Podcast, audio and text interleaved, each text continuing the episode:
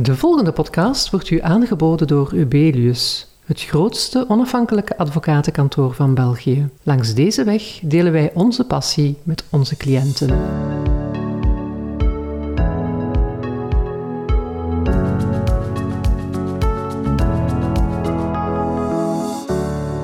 De rechtspraak heeft een doos geopend waarvan we de gevolgen nog niet kunnen inschatten.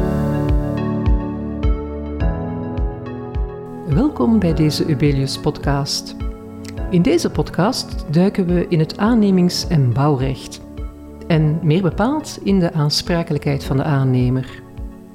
Het aannemingsrecht heeft altijd al een bijzondere plek ingenomen in het aansprakelijkheidsrecht. De tienjarige aansprakelijkheid voor ernstige gebreken uit het burgerlijk wetboek zit daar voor veel tussen. Al van bij de invoering van het burgerlijk wetboek heeft de wetgever het nodig gevonden om aannemers aan een bijzondere aansprakelijkheid te onderwerpen indien de stabiliteit van het gebouw in het gedrang komt. En in die 200 jaar leken de principes stabiel te zijn geworden. Maar het Hof van Cassatie heeft die principes op een aantal punten stevig door elkaar geschud. Komt de stabiliteit van het systeem nu in het gedrang? Wim Goossens vertelt het ons dadelijk. Wim doctoreerde ooit in het aannemingsrecht. Nu is hij partner bij Ubelius en boogt hij terug op een ervaring van 21 jaar in het aannemings- en vastgoedrecht. Welkom Wim. Dankjewel Connie. Wim, de tienjarige aansprakelijkheid heeft al een gezegende leeftijd bereikt, al 200 jaar. Herinner jij ons eens aan de grote principes, alsjeblieft? Zeker, uh, Connie. De tienjarige aansprakelijkheid, de decenale, zoals we die ook noemen, is zodanig gekend, heeft zodanig veel jaren op de teller, dat dat bijna een merknaam geworden is. De tienjarige. Um, waarover gaat het? En het is van belang om dat even te situeren, om dan de link te leggen met op uh, de punten waar het Hof van Cassatie toch wel revolutionaire zaken beslist heeft. Eén, wie valt daaronder? Um, degene die bouwt, maar ook andere bouwpartners of partijen die betrokken zijn bij het bouwproces, ontwerpers, studiebureaus, architecten, consultants die zich inlaten met het ontwerp. Twee, over wat soort contracten gaat het? Uh, vergeet verkoopscontracten, behalve de wet Breinen, waar de wetgever de tienjarige heeft uitgebreid. Het gaat over aannemingscontracten. In wezen dienstencontracten waarbij bouwwerken worden opgericht. Ik hoor u denken, of misschien niet denken, bouwwerken, gaat het dan over gebouwen, uh, residentieel, kantoren of industrieel? Uh, daarover gaat het zeker, maar het is veel ruimer dan dat. Uh, de wetgever gebruikt de term bouwwerken. We spreken dan 200 jaar, of meer dan 200 jaar geleden. De rechtspraak heeft daarmee, of is daarmee aan de slag gegaan, is daar creatief mee omgegaan en heeft dat eigenlijk uitgebreid naar alle vaste constructies in de grond. Denk aan tennisvelden, vijvers, metaalconstructies, tot zelfs machines en, uh, en pijpleidingen. En drie, en daar zit de nieuwigheid in, de termijn. De tienjarige zegt het zelf, we gaan geen open deuren intrappen. Uh, aansprakelijkheid loopt tien jaar en het gaat over een vervaltermijn. U moet binnen de tien jaar uw vordering ten gronde gaan instellen. En de tien jaar begint te lopen vanaf de aanvaarding van de bouwwerken. Omdat men er dan van uitgaat, het contract is beëindigd, het contract is uitgevoerd, de werken zijn uitgevoerd, aanvaard. En dan begint die uh, vervaltermijn van tien jaar te lopen. En uh, het is op dat punt specifiek dat het Hof uh, de systematiek door elkaar heeft gegooid. Oké, okay, Wim, dat moet je mij uitleggen.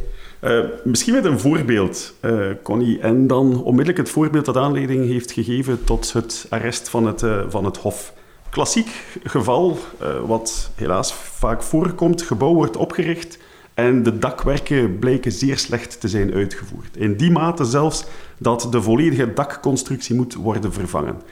Klassieke uh, procedure. Bouwheer uh, spreekt architect en de verzekeringsmaatschappij aan en daarnaast de aannemer. Die worden beide aansprakelijk gesteld. Aannemer slechte uitvoering, architect de slechte opvolging.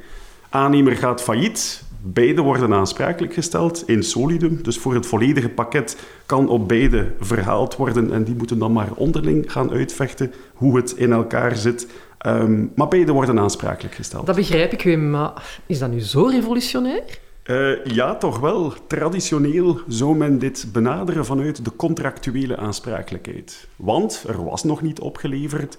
Er is in dit geval waarschijnlijk ooit ook nooit opgeleverd, aanvaard. Dus we zitten eigenlijk nog voor dat opleveringsmoment, voor dat scharniermoment. Traditionele benadering zou zijn contractuele aansprakelijkheid. Met alle gevolgen van dien, maar daar heeft het Hof van gezegd: nee, de tienjarige aansprakelijkheid begint al te lopen onmiddellijk voor stabiliteitsgebreken. Uh, u moet niet wachten op die aanvaarding, op die oplevering. Dat begint onmiddellijk. Dat gaat onmiddellijk van start. Dus vergeet de gewone contractuele aansprakelijkheid. Het is de tienjarige. Oké, men heeft dus de startdatum laten vallen.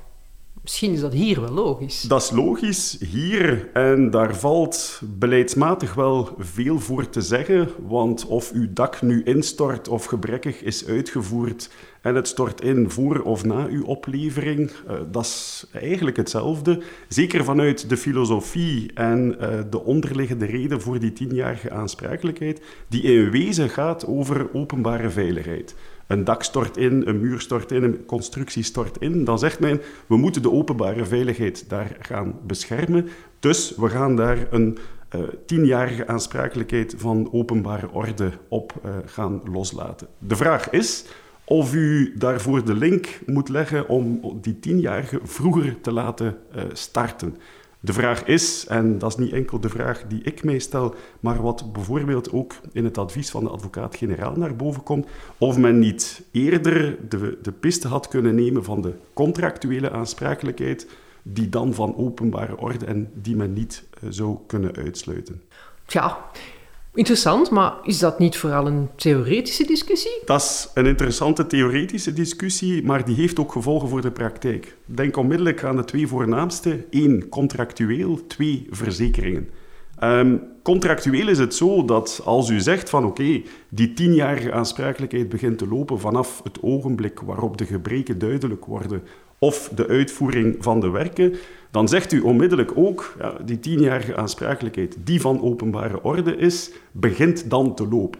En dat vernauwt uw contractuele vrijheid, bijvoorbeeld rond het beperken van aansprakelijkheid van architecten, aannemers, eh, bijzonder. Vergeet dan inkorting van de termijnen, eh, beperking van bedragen, beperking van aansprakelijkheid of het uitsluiten van de in solidum aansprakelijkheid. Wat nog altijd een clausule is die men zeer vaak ziet in architectencontracten.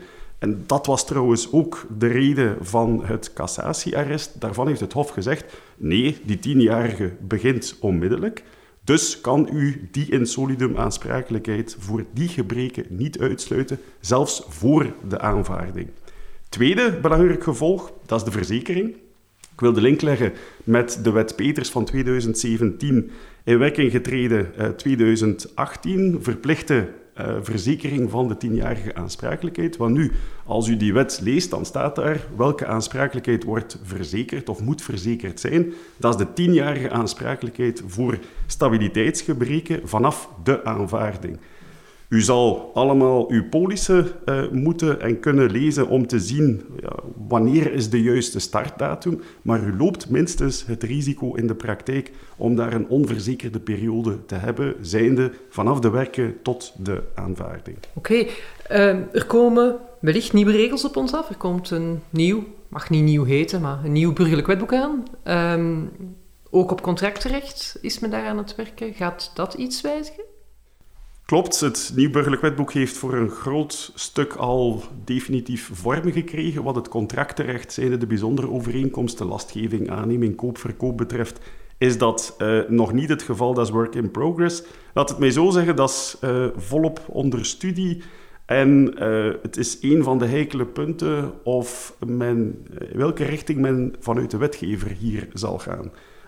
maar het is wel aangewezen dat de wetgever hierover wat duidelijkheid zou uh, creëren. Dank je Wim, uh, zeer interessant. Uh, dit is zeker iets dat we moeten opvolgen. Graag gedaan, dank u wel. U luisterde naar een podcast van Ubelius. Voor meer informatie kan u terecht op ubelius.com.